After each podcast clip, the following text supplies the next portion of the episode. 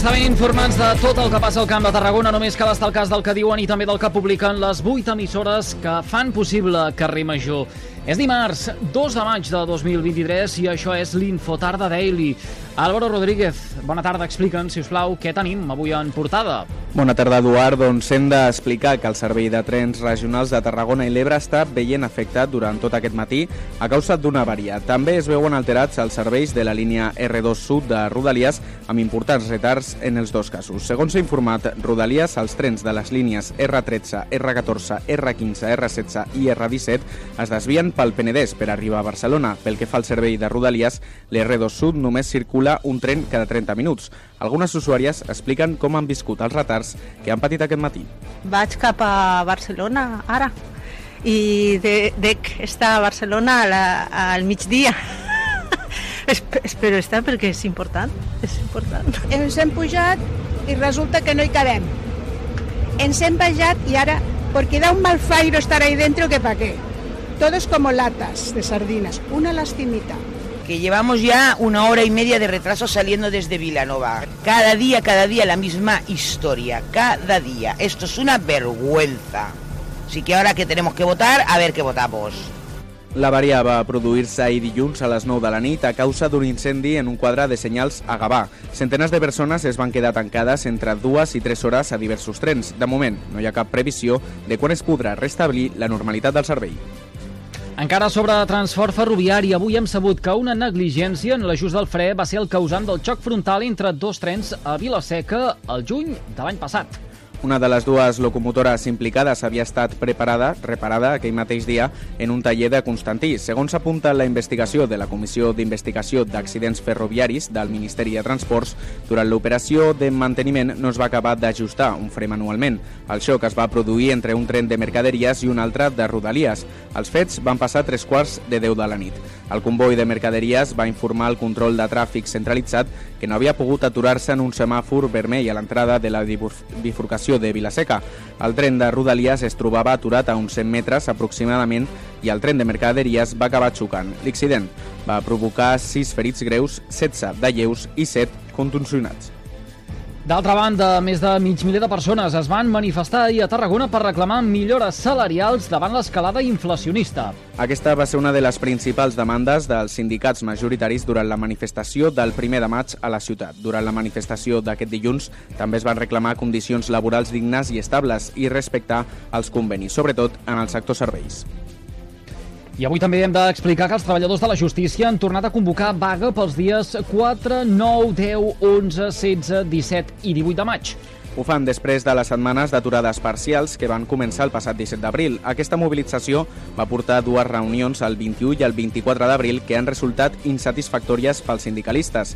A més, aquestes jornades de vaga tindran també protestes. A Tarragona es concentraran davant la subdelegació del govern els dies 4, 9, 10 i 11 de maig. David Povil, secretari de Comissions Obreres dels Funcionaris de Justícia a Tarragona, demana a l'administració que apliquin les mateixes exigències que demanen a la patronal estaven reclamant a la patronal que s'asseguin amb els sindicats de treballadors i que eh, es produeixi un, un increment dels salaris, no? acorde amb el que és la inflació i amb, i amb la pujada del nivell de la vida.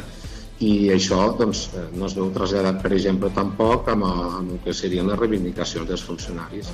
Aquesta vaga coincidirà també amb l'anunciada per diferents associacions de fiscals i jutges, motiu pel qual els funcionaris judicials veuen amb bons ulls fer un front comú.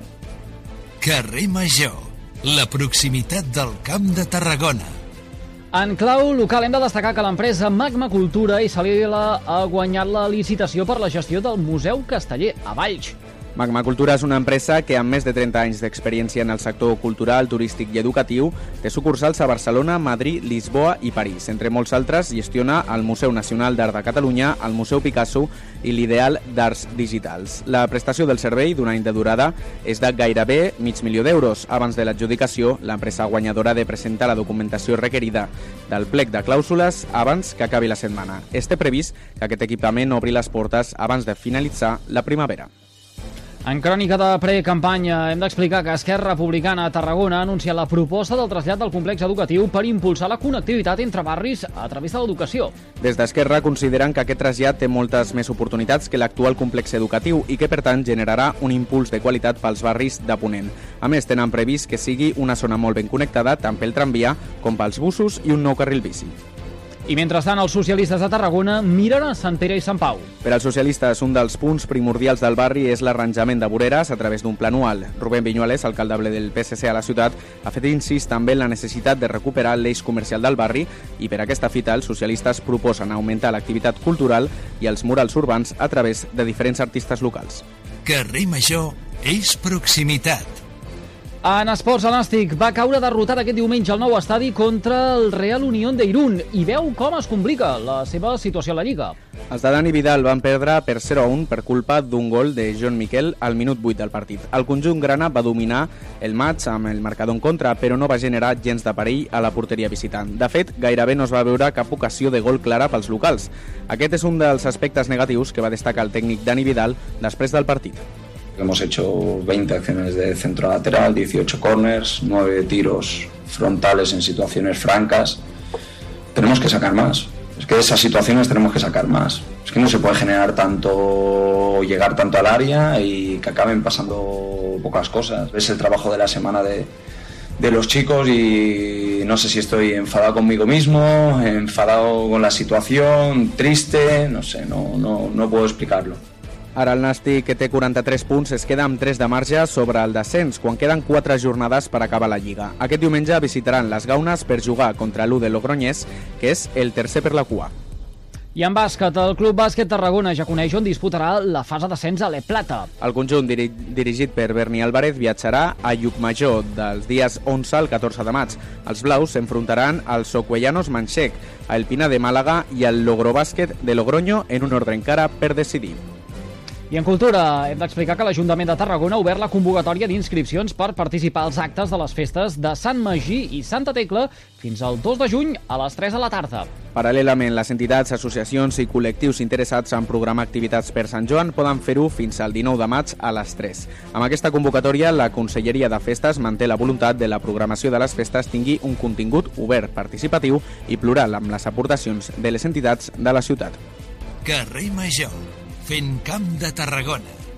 Dit tot això, coneguem quin temps ens espera de cara a les properes hores i connectem amb el Servei Meteorològic de la xarxa. Lluís Mi Pérez, molt bona tarda.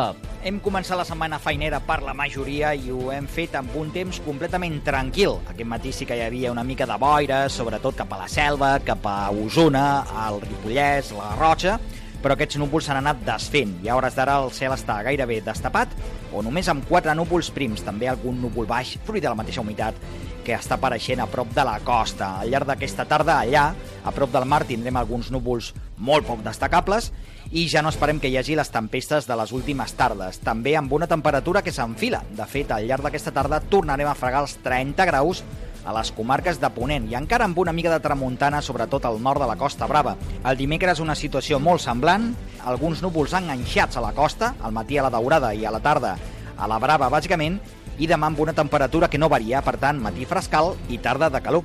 Ho anirem seguint a la xarxa. Ara sí, doncs ho deixarem aquí. Álvaro Rodríguez, gràcies per aquesta pinzellada informativa amb el més destacat de la jornada al Camp de Tarragona. Gràcies i fins després. Gràcies, fins després. I doncs vostès poden recuperar l'Info Tarda Daily d'aquest dimarts 2 de maig mitjançant les xarxes socials i també els serveis de ràdio a la carta de les 8 emissores que cada tarda passegen plegades pel carrer Major. Gràcies per seguir-nos.